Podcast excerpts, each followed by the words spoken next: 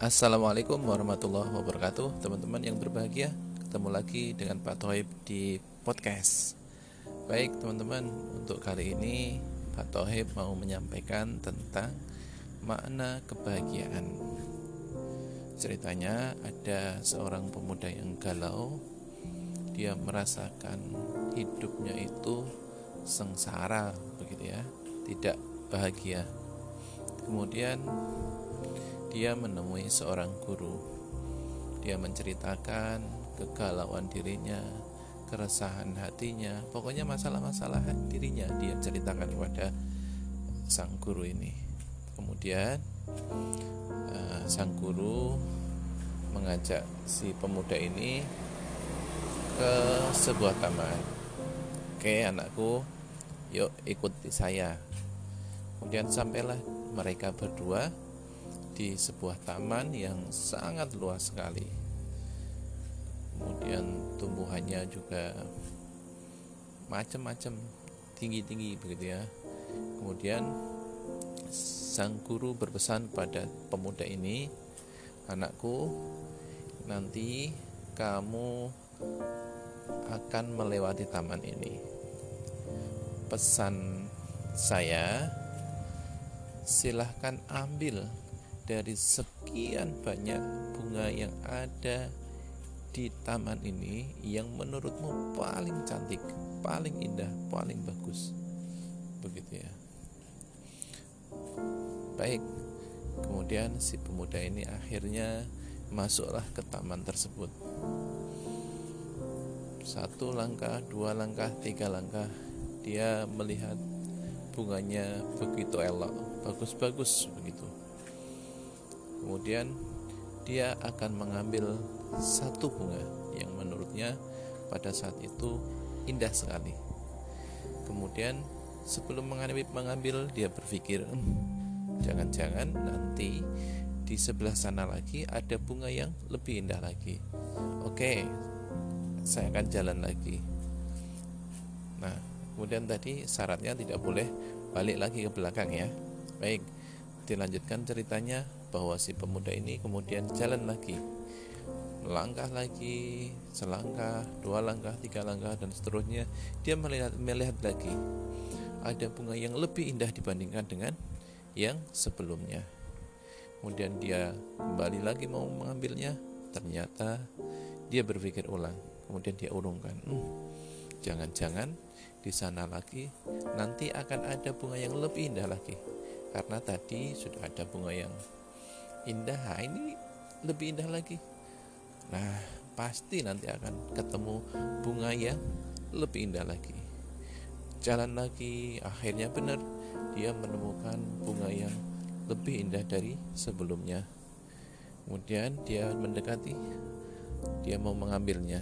Lagi-lagi dia berpikir hmm pasti di depan nanti akan jauh lebih indah lagi bunganya dia urungkan niatnya untuk mengambil bunganya dan melangkah lagi. Selangkah, dua langkah, dan seterusnya. Ternyata apa yang dia pikirkan tidak seperti bayangannya. Dia tidak menemukan bunga yang lebih indah, malah justru bunganya lebih jelek, lebih buruk dibandingkan dengan apa yang sudah dia temui sebelumnya. Dan kemudian dia ingat pesan sang guru tadi dia tidak bisa menoleh ke belakang dia tidak boleh balik ke belakang. Akhirnya dia melangkah terus menerus kemudian berharap ada bunga yang lebih indah lagi ternyata tidak. Sampai pada akhirnya di ujung taman dia tidak mengambil satupun dari bunga yang tadi dipesankan oleh sang guru. Kemudian bertemulah dia dengan sang guru itu menceritakan perihal apa yang dialaminya Kemudian sang guru dengan bijaksana menyampaikan, "Anakku, begitulah kebahagiaan. Kebahagiaan itu seolah-olah bagi kebanyakan orang adalah sesuatu yang belum ia miliki jauh di depan. Dia berpikir seandainya dia memiliki sesuatu yang diinginkan, dia akan merasakan bahagia. Padahal kebahagiaan itu adalah apa yang kita temui di sekitar kita, maka kebahagiaan itu adalah kita sendiri yang menciptakan kita sendiri yang mengkreatnya bukan pemberian orang lain. Maka sering kali kita menilainya kebahagiaan adalah apa yang belum kita miliki. Padahal bagian itu sudah kita miliki dan ada di dalam diri kita ada di sekitar kita teman-teman sekalian dari kisah ini kita bisa mengambil pelajaran bahwasanya kebahagiaan itu harusnya sudah ada di dalam diri kita karena kita sudah mendapatkan karunia yang luar biasa banyaknya yang sudah Tuhan berikan, yang sudah Allah berikan kepada kita sekalian. Kita bisa bernafas, kemudian bisa melihat, bisa mendengar dengan kondisi yang normal. Itu adalah sebuah kebahagiaan yang tidak ternilai uh, harganya. Kemudian kita bisa berjalan. Nah itulah karunia-karunia yang Allah berikan kepada kita. Tapi sering kali kita melupakannya.